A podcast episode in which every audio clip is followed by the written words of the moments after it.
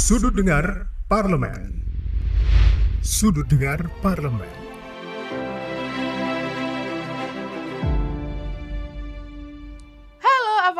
Kabar? Balik lagi di Sudut Dengar Parlemen bareng Nadia Kanaya dan tentunya sudah ada narasumber yang seru banget karena kita juga akan membahas sesuatu yang seru. Kita akan membahas soal investasi di Indonesia. Sebenarnya sejak pandemi COVID-19 selesai dan dikatakan menjadi eh, dari pandemi menjadi endemi, eh, pertumbuhan perekonomian di Indonesia ini sudah semakin baik. Investasi juga sudah dibuka selebar-lebarnya. Bahkan Menteri eh, eh Kepala Badan Koordinasi Penanaman Modal atau BKPM Bapak Bahlil Lahadalia juga sudah mengeluarkan Golden Visa. Sebenarnya Golden Visa itu apa penasaran nggak?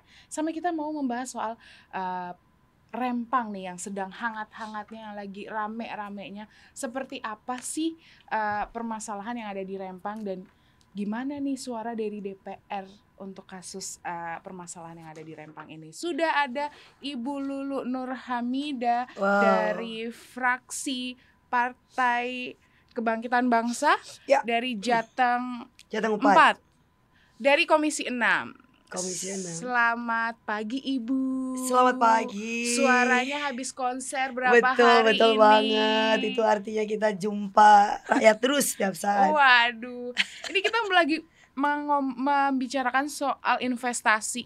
Iya. Investasi di Indonesia ini sudah dibuka. Kemarin saya dengar juga Ibu sudah bertemu dengan teman-teman dari UMKM yang ada di Iya, Dapil benar, ya Bu. sekali, Boleh sekali. diceritakan dong Bu kan UMKM itu juga merupakan bentuk investasi kita juga ya kan? Iya, iya terima kasih ya. Jadi ceritanya kemarin itu saya memfasilitasi para pelaku UMKM di Kabupaten Sragen itu penerbitan NIB atau nomor induk berusaha. Mm-mm. Jadi lebih kurang 1136 dalam satu hari dan Wow. secara total eh, sebenarnya ada lebih kurang 1500 tetapi yang di hari yang sama itu eh, 1136 dan ini merupakan salah satu langkah yang menurut saya sangat serius ya yang kita lakukan untuk bisa mendukung dan mendorong agar pelaku UMKM kita ini benar-benar naik kelas.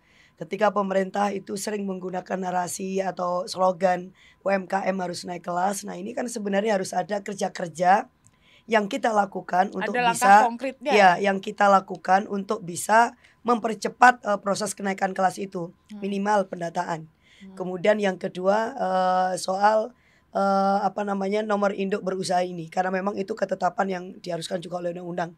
Sementara kita ini kan soal data UMKM ini mesti simpang siur kan, Mm-mm. data pemerintah, data dinas atau data di dalam pikiran kita. Pokoknya Mm-mm. kita selalu mengatakan ini banyak banyak banyak, tetapi kalau kemudian ditanya berapa Berapanya? banyak itu, kemudian klasifikasi dari pelaku UMKM kita yang tersebar di seluruh Indonesia itu juga berapa? Misalnya yang UMKM ultra mikro, yang kemudian yang mikro atau kemudian yang kecil, yang menengah dan seterusnya.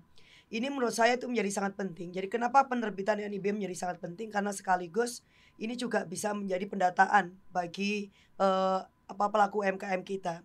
Sehingga yang kita harapkan ada intervensi kebijakan atau program yang kemudian tepat sasaran sesuai dengan eh, kondisi real, karakteristik dan juga kebutuhan bagi pelaku UMKM. Nah, ketika kemudian saya hadir bersama dengan relawan menggerakkan ya untuk eh, pendataan dan melayani eh, penerbitan NIB yang Hmm. sampai kemudian di atas eh, seribu itu saya kira eh, ini perlu eh, dapat apresiasi saya kira dari pemerintah karena kita membantu pekerjaan pemerintah gak gampang loh eh, untuk bisa melakukan pendataan dan meyakinkan bahkan pelaku UMKM itu untuk mau datang misalnya di kantor eh, balai desa karena pemerintah modelnya kan seperti itu jadi mereka duduk manis ada meja kemudian menunggu siapa yang datang kalau kita enggak kita proaktif Jemput bola. Yes. Jadi kita itu jemput bola. Kita kerjasama dengan komunitas-komunitas, kemudian juga dengan organisasi, kemudian juga forum-forum apa aja, di mana ada gerombolan orang dan di situ kemudian juga ngumpul para pelaku UMKM. Kita datang kok, Hmm. gitu loh. Kita datang dan itu gratis, ya. Nah kemauan untuk bekerja melayani datang itu menurut saya juga bagian eh, penting dari upaya kita untuk bisa eh, menaikkan kelas mereka. Nah tentu yang kita harapkan berikutnya adalah dukungan eh, fasilitasi dan lain-lain karena tulang punggung kita ini sebenarnya adalah uh, para pelaku uh, usaha UMKM apa pun jenis dan kelasnya. Nah, lebih-lebih uh, ketika misalnya kita udah memasukin era digital ya, Mm-mm. kemudian uh, marketing digital juga udah sangat masif dipakai. Banyak juga platform uh, sosial media atau e-commerce. Nah, ini mau kita tempatkan di mana ini para pelaku UMKM kita? Mereka menjadi penonton, mereka kemudian menjadi pelaku utama atau mereka tidak lebih dari target market Hmm. uh, dari uh, produk-produk uh, lain, terutama yang uh, luar negeri yang kemudian biasanya itu pasti tawarannya itu lebih murah. Kan Iya. ada politik dumping juga yang bisa dilakukan. Nah, saya kira uh, itu adalah langkah pertama yang kita lakukan dan kita akan terus uh, mendampingin uh, kira-kira uh, sampai menemukan kita asesmen ya soalnya ya kebutuhan UMKM ini apa? Selain misalnya isu permodalan, permodalan itu kan klasik banget. Iya. Tetapi kan belum tentu juga permodalan. Tetapi kalau modal itu memang kebutuhan bagi mereka, maka pemerintah harus hadir. Faktanya ketika misalnya rapat di Komisi 6 itu ya, dari target Korea, saya lupa misalkan targetnya eh, berapa eh, triliun yang kemudian dialokasikan, ternyata juga belum serapannya belum banyak. 50% aja itu belum keserap. Mm-mm. Nah, itu artinya eh, ini kan nggak sama antara kemauan politik kemudian juga itikat baik dan kemudian kerja-kerja yang memang dibuktikan dengan eh, apa ya proaktif eh, kemudian jemput bola agar core ini sebagai fasilitasi permodalan untuk pelaku UMKM yang memang benar-benar murah kan eh, kecil gitu bunganya Mm-mm. bisa diserap oleh pelaku UMKM kita. Jadi menurut saya eh, belum belum sama lah semangatnya. Jadi malah yang akses itu justru yang udah kategori ini misalnya UMKM-nya itu kelas menengah atau kemudian tinggi. Yang kecil justru belum. Yang tinggi itu yang kebutuhannya itu barang misalkan eh, 5 juta, 10 juta sampai 100 juta itu belum. Kayak kemarin aja itu kan ada deputi itu dari Kementerian Koperasi itu menyampaikan ini saya senang karena beliau yang ngomong langsung bahwa kalau misalnya pelaku MKM butuh permodalan eh, 100 juta maksimal jadi range-nya itu 100 juta ke bawah itu tanpa agunan langsung saya komentarin di panggung coba ibu-ibu bawa-bawa sekalian. Ada nggak yang punya yang pengalaman butuh? pinjam 5 juta itu kemudian tanpa agunan? Atau masih pakai agunan? Pakai itu. Boro-boro 100 juta ya kan? Nah 5 juta aja itu masih di- ditanyain agunan. Padahal pelaku MKM kecil ini apa yang diagunkan? Yang diagunkan itu kalau untuk yang ultra mikro itu ya semangatnya kemauan baiknya itu. Mm-mm. jadi niatnya itu aja yang kemudian sudah bisa menjadi jaminan. Nah, yang menjamin risiko itu ya memang harus negara atau kemudian pemerintah. Kalau pengalaman kita sepanjang UMKM ini kemudian didampingin, justru ceritanya itu nggak ada yang yang kerugian atau ngemplang Justru seperti meningkat ya, Bu. Iya, pertama itu meningkat. Terus yang kedua mereka juga akan jaga kepercayaan. Mm-mm. Tetapi saya tadi mau bilang bahwa pengalaman kalau misalkan sampai mangkir nih ya atau bahkan ngemplang gitu loh. eh duit eh, pinjaman, itu kan Pinjaman. justru pengusaha-pengusaha besar. Nah, ini ini yang kita meng- mengubah eh, apa pandangan kita terhadap eh, UMKM khususnya yang yang ultra mikro, mikro dan kecil bahwa mereka layak untuk dipercaya. Kita mau ngomongin soal investasi nih Bu, ini udah dibuka lebar, sudah uh, semuanya bahkan kita kemarin sempat mendengar kalau uh, Elon Musk diminta untuk berinvestasi Elon di Musk, Indonesia. Ya, bertopeng. Nah, terus walaupun akhirnya tidak jadi. Nah, sebenarnya kalau Ibu sendiri melihat investasi di Indonesia sekarang seperti apa dan apakah dengan kan ada golden visa nih Bu yang sudah ditawarkan oleh Hmm. Indonesia kepada investor-investor. Ini sudah memberikan investasi sendiri yang dari luar ke Indonesia tuh sudah berdampak ke masyarakat ke warga negara Indonesia sendiri belum sih Bu ada nilai tambahnya nggak sih gitu? Iya, kalau gini, kita itu memang selalu memelihara optimisme ya. Mm-mm. Jadi kita ketemu beberapa kali sama Pak Menteri dan kita juga cek eh, kepada beliau karena memang eh, target investasi di Indonesia itu kalau yang diharapkan di tahun 2023 itu sekitar 1.400 triliun lah. Dan di bulan ini kan kira-kira bulan September atau Oktober Oktober. kalau versinya pemerintah itu udah melampaui target ya. Dari yang diharapkan 1.400 gitu. 1.400 triliun. Walaupun kemudian yang menarik karena ada rumusan matematika ya. Jadi rumusan matematika itu misalnya setiap eh, satu triliun itu kemudian akan memberikan peluang untuk eh, apa namanya serapan tenaga kerja itu Mm-mm. berapa. Jadi kalau misalnya eh, 1.400 triliun atau 1.200 triliun itu ya kira-kira udah di atas satu juta dua ratusan lah misalnya eh, untuk eh, serapan angkatan kerja. Nah, tetapi ternyata ini yang menarik.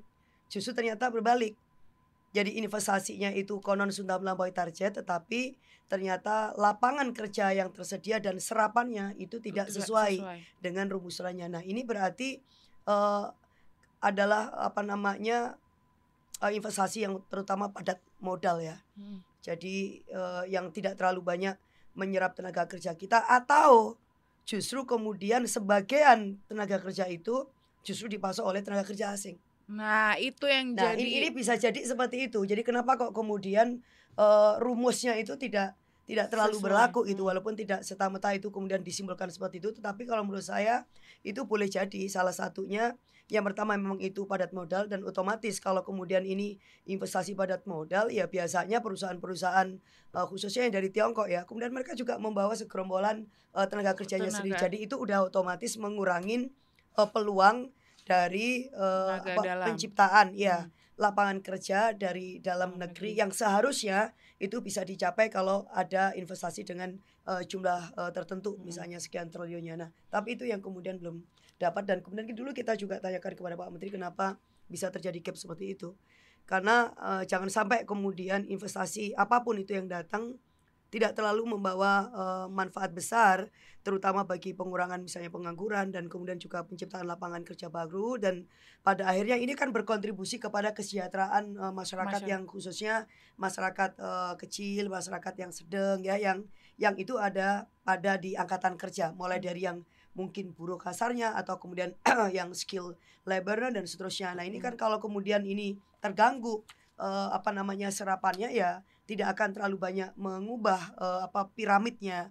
Uh, misalnya berapa yang kemudian menganggur kemudian berapa yang keserap khususnya yang tenaga kerja yang uh, apa namanya yang kasar misalnya dan lebih-lebih yang kemudian ahli. Nah ini ini yang menurut saya perlu untuk kemudian jadi bahan uh, evaluasi. Nah yang berikutnya optimisme itu satu hal. Karena memang uh, pemerintah ini kan sangat gencar menawarkan berbagai uh, insentif gitu yeah, ya. kemudian betul. juga kemudahan-kemudahan regulasi ya dengan adanya undang-undang ciptaker itu kan udah jelas itu undang-undang cipta kerja. Tapi aku nggak suka juga dengan namanya karena agak berbeda. Cipta kerja itu kan ini mestinya undang-undang investasi ya. Yang, walaupun beda yang ya. ibu ya bukan saya ya, ya atau undang-undang investasi. ya. berbisik. Jadi dengan adanya undang-undang Ciptaker itu maka begitu banyak memang aturan-aturan yang dulu dianggap uh, tidak ramah kepada uh, investor. investor asing khususnya mm-hmm. itu yang kemudian ini harus dibab dibabat. Nah, yang kemudian disederhanakan biar menjadi uh, efisien. Walaupun dulu saya pernah kritik terhadap R, uh, RUU atau kemudian undang-undang ini karena yang menjadi persoalan bagi saya itu yang menjadi masalah itu memang aturan kita yang selalu uh, tumpang tindih atau kemudian ada culture di dalam pelayanan yang itu membuat uh, potensi untuk korupsi itu memang sangat tinggi hmm. suap kemudian juga pat gulipat ya kemudian pungli gitu loh karena uh, kalau itu yang masalahnya berarti tidak sesederhana yang kita bayangkan mm-hmm. karena begitu misalnya aturan itu kita bikin tetapi kalau kemudian kultur dan kemudian cara kerja kita uh, di dalam uh, apa melihat uh, apa ya sebuah investasi atau bisnis atau atau kerja-kerja ekonomi itu tidak terlalu banyak berubah. Jadi tetap aja kemudian ada akan peluang-peluang itu. Ya, juga. tetap aja kemudian uh, korupsi itu bisa dilakukan, pungli juga bisa dilakukan. Ono aja intinya itu orang punya kreasi dan entrepreneurs uh, apa namanya spontaneousnya itu juga keluar yang membuat kemudian tetap aja uh, high cost. Dan itu juga yang yang menurut saya uh, sering dikeluhkan juga oleh uh, teman-teman investor walaupun kemudian sudah ada undang-undang cipta kerja. Nah, gitu. salah satu keluhannya juga soal uh, karena tenaga kerja dalam negeri ini cukup memakan biaya katanya. Gitu ya. Emang iya ya, Bu ya? Ya, makan biaya itu sebenarnya itu hal yang wajar yang harus dihitung ya. Begini, yang aku aku paham ya maksudnya begini. Ada, ada dua hal yang memang berbeda bahwa tenaga kerja di Indonesia itu memakan biaya karena dianggap dia tidak terlalu kompeten untuk jenis kerjaan yang sama dibandingkan dengan tadi misalnya tenaga kerja asing. Itu yang selalu dipakai uh, alasan bagi investor, investor. katakanlah kayak di Tiongkok itu ya. Sama-sama misalkan tenaga kerja kasar.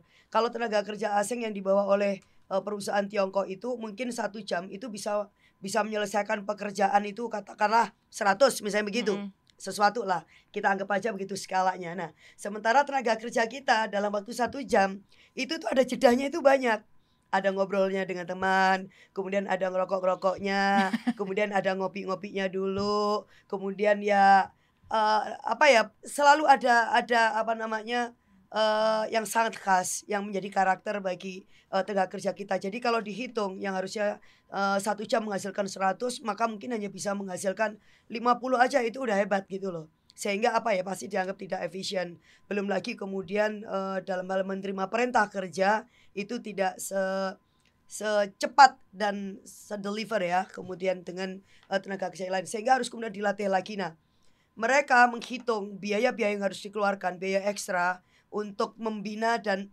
menyiapkan para tenaga kerja kita itu udah memakan uh, sebagian biaya, biaya produksi itu yang dianggap kemudian uh, relatif tidak kompetitif. Nah itu dibandingkan dengan misalkan di Vietnam. Nah ini ini yang harus dijawab oleh pemerintah sebenarnya dengan adanya program misalnya uh, eh, PLK ya, hmm. kemudian juga pusat-pusat uh, pelatihan di mana-mana itu kayak apa penyelenggaraannya? Apakah memang sudah benar-benar iya benar-benar itu bisa jalankan. menjawab kebutuhan pasar yang memang tuntutannya itu ya tenaga kerja yang sangat siap, bukan yang kemudian uh, white and see-nya. Hmm. Termasuk juga lembaga pendidikan kita ya khususnya uh, lembaga pendidikan yang vokasi ya itu juga ternyata uh, dulu memang pernah ya uh, ada momen agak booming lah jadi yang dianggap paling siap untuk bekerja tetapi hari ini ini agak berbahaya loh bahwa ternyata uh, lulusan uh, sekolah uh, vokasi atau kejuruan itu justru menjadi pengangguran yang sangat besar. Berarti nah ini belum... berarti kan lagi-lagi ada gap. Ya, ini kemudian ada gap. Menurut saya ini nggak bisa kemudian uh, ditimpakan kepada salah satu kementerian tertentu. Makanya pemerintah itu duduk bareng. Ini namanya pemerintah itu ada pemerintahan. Itu artinya tidak hanya satu orang, tidak hanya satu lembaga atau kementerian. Jadi kalau misalkan mau bicara tentang katakan investasi, mungkin ini juga akan terkait dengan ketenaga kerjaan, mungkin kemudian juga ini akan terkait dengan apalagi misalnya Kementerian Pendidikan atau yang lain. Uh, kalau saya lebih cenderung gini, ketika ngomong investasi itu ayo kemudian kita gunakan dua kerangka. Oke okay, uh, eh, investasi asing uh, karena dianggap modal itu besar masuk itu logiknya logikanya kesempatan kerja juga banyak tapi kan faktanya sekarang berbicara berbeda. Hmm. investasinya itu udah melampaui target misalnya konon angkanya seperti itu tapi, tapi kok kemudian yang keserap belum. kok belum? Nah kan? Uh, masyarakat Indonesia ini dengan investasi luar negeri yang begitu banyak sudah masuk ke Indonesia ternyata belum sepenuhnya bisa menyerap uh, masyarakat Indonesia untuk bisa bekerja di tempatnya. Nah, sekarang kita ngomongin soal kasus Rempang sendiri, Bu. Ini juga bagian dari investasi yang sedang Wah, nah itu, ramai. Ya, betul. Wajah Gimana? lain dari investasi Indonesia itu. Bagaimana menurut Ibu melihat kondisinya ini terus iya. kemungkinan apakah nanti ini akan juga memberikan dampak yang cukup baik untuk masyarakat di wilayah Rempang sendiri karena kan akan dialok direalokasikan ya? Relokasi. Direlokasi uh, masyarakat dari Rempang sendiri. Ya iya memang uh, gini ya investasi itu apalagi investasi asing itu sering kali memang menciptakan dilema. Mm-hmm. dan itu terjadi di mana-mana sebenarnya. Statement saya itu tidak tidak anti investasi ya tidak mungkin. Karena memang uh, pertumbuhan ekonomi itu salah satunya juga didukung dan ditopang dengan adanya investasi, investasi. atau modal yang masuk. Walaupun ta eh, tadi saya masih masih pada posisi dan keyakinan ada ada yang modal masuk dari luar tapi sering kali kadang-kadang juga dilematis atau justru yang dari dalam ini yang kemudian kita lihat sebagai uh, kekuatan modal dan itu biasanya jauh lebih sustainable. Nah, rempang ini menjadi saya tidak ngomong case by case-nya ya, tetapi hanya untuk bisa sekedar menjelaskan bagaimana seharusnya uh, kebijakan investasi itu diterapkan dan dalam uh, situasi sosiologis yang semacam apa itu kemudian berhasil untuk dilakukan. Nah, Rempang ini menurut saya ada kegagalan dalam hal pendekatan. Itu karena apa? Karena yang dipakai adalah semata-mata pendekatan kekuasaan. Nah, kekuasaan ini yang kemudian dipakai untuk apa? Melandingkan uh, kepentingan uh, ekonomi. Jadi uh, kekuasaan itu menjadi backup dari uh, kepentingan ekonomi yang sangat besar. Dan kepentingan ekonomi ini adalah kepentingan ekonomi investasi modal asing. Tetapi lupa bahwa di sana itu ada manusia ada people. Kita lupa bahwa pembangunan kita Indonesia itu konsepnya itu justru pembangunan yang yang utuh sebenarnya Jadi bukan hanya sekedar fisik, bukan hanya ekonomi gitu ya. Kita bukan hanya membangun gedung, kita tidak membangun jalan, kita tidak sekedar membangun pabrik, tetapi juga membangun tentang orang, tentang people. Apakah kemudian rakyat kita bahagia, apakah rakyat kemudian kita sejahtera, apakah kemudian rakyat kita justru dimanusiakan. Maka semua aktivitas ekonomi termasuk juga eh, investasi yang ada di Rempang ini harus eh, kita cek sekurang-kurangnya dari beberapa variabel. Misalnya, pendekatan apa sih yang kemudian dipakai eh, di di Rempang? Apakah mengedepankan dialog dengan melibatkan semua partisipasi dari masyarakat untuk melihat bahwa oh investasi ini kebutuhan kita. Kekitaannya ini dibangun apa enggak? Ini kan masih masih satu arah nih. Yang dimaksudkan kita itu tapi kan penguasa. Kita itu tidak ada rakyat di situ Mm. karena ternyata apa berbeda. Makanya ada istilah kita itu kita siapa nih? Kita itu maksudnya kamu atau kita itu maksudnya kami atau kita ini adalah kita bersama. Nah, itu yang kemudian diabaikan itu perlu dicek.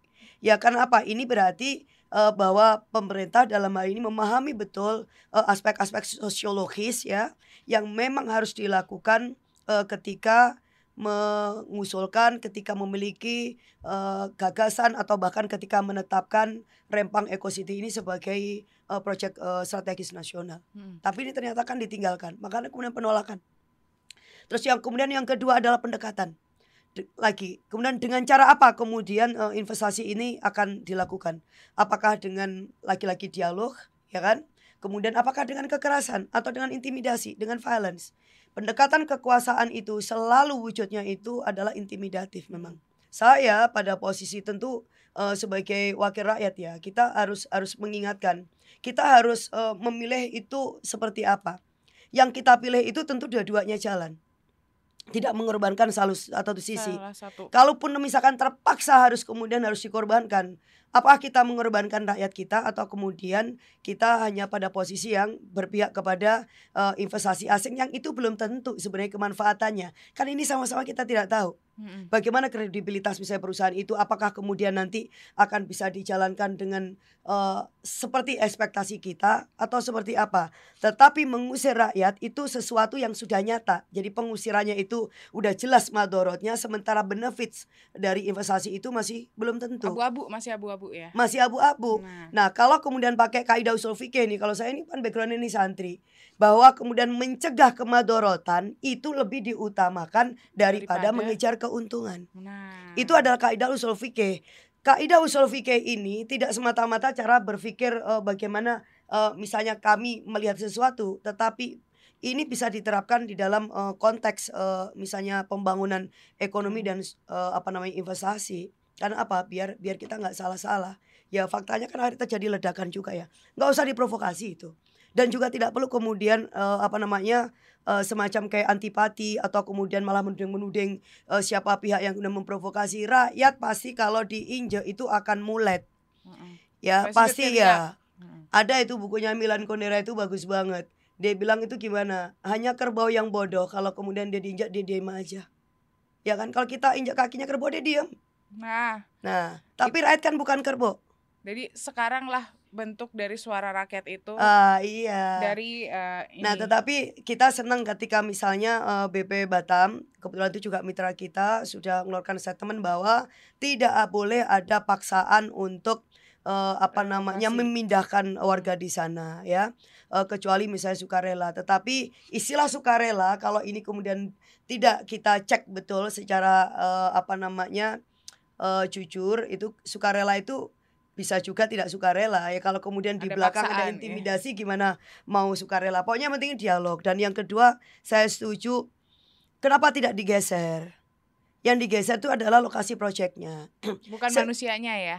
jangan manusianya. Justru manusianya itu men- menjadi menjadi penyempurna di sana. Dia justru menjadi kekuatan dari proyek ini. Di mana ini akan menjadi gambaran sebagai sebuah bentuk eh, apa namanya investasi yang yang mengharmonikan yang mengharmonisasi ya kan antara kita ini memelihara dan melindungi eh, warga dengan segala ekosistemnya dan hak-hak misalnya adatnya ulayatnya di satu sisi dan di satu sisi di situ kemudian ada kegiatan eh, Pembangunan. pembangunan ekonomik yang otomatis kemudian ini akan punya dampak kemanfaatan maslahat. Ya, Bu, untuk Iya, Jangan belum apa-apa aja kemudian udah jelas itu korbannya diusir. Saya kira itu akan melukai banyak pihak bukan hanya warga di sana lah. Nah, Ya.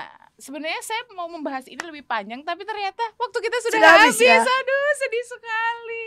Kita tadi lupa ketawa ya, tapi memang agak serius ya. Iya, karena memang ini berkaitan dengan hajat hidup masyarakat Iya betul banyak sih ya. yang Kalau ada khusus pokoknya khusus untuk Rempang eh, ini harus pemerintah ini ya. Jadi harus benar-benar jadikan ini satu pelajaran. Gak bisa eh, main kuasa aja, nggak bisa adikang-adikung, nggak bisa sekedar pitang-piting atau kemudian semua dikasih deadline tanggal 28 harus keluar. Ya iyalah, ini warga kita sendiri bos. Iya. Bisa gitu ya. Jadi, Jadi kita ya jeda moratorium sejenak ya. Ambil nafas dulu, duduk bareng yang baik. Dan kita Insya Allah baik. semoga akan ada hasil yang terbaik Iya. dari kasus Rempang ini ya. Betul. Terima kasih Bu Lulu sudah Sama-sama, hadir. terima kasih. Jangan kapok, semoga akan, akan ada episode selanjutnya bersama Bu Lulu yang membahas sesuatu isu yang lebih menarik Boleh lagi. dong disebutkan dapilku itu kabupaten mana aja. Assalamualaikum. Mana aja Bu? Ya saya dari Jawa Tengah 4 Jawa Kabupaten Seragen Seragen. Itu halo, tempatnya Lumbung Padi Nasional Kemudian Kabupaten Wonogiri Ada Gunung Wonogiri. Lawu di sana Dan Kabupaten Eh Karanganyar dan Wonogiri Nah, jangan lupa Bu ajak semua warga di dapil Ibu buat nonton Sudut Dengar Parlemen dan mendengarkan Sudut langsung. dengar parlemen Kalau mau dengar Gagasan-gagasan yang bernas Yang jernih Mencerahkan ya Tapi juga sekaligus eh, Akan membuat kita semangat Menatap masa depan Indonesia lebih baik Maka jangan lupa untuk nonton Sudut Dengar Parlemen. Parlemen. Oh, bener kan sudut Iya, parlemen? benar. Nah, Di situ ada saya juga. nah, benar Ya, ada Bu Lulu. Tolong ya kita warga yang kucintai seluruh Indonesia. Nanti kita undang-undang lagi Sudut parlemen keren loh, asik dan iya, seksi. asik banget, seru banget. Terima kasih ya buat semua yang sudah mendengarkan dan hadir. Ya. Saya Nadia Kanaya, Bu Lulu dan kerabat kerja yang bertugas undur diri. Terima kasih dan sampai Terima jumpa. kasih, Mbak Nadia. Dadah. Terima kasih Bu. Assalamualaikum, tetap semangat. Indonesia optimis. Sudut Dengar Parlemen. Sudut Dengar Parlemen.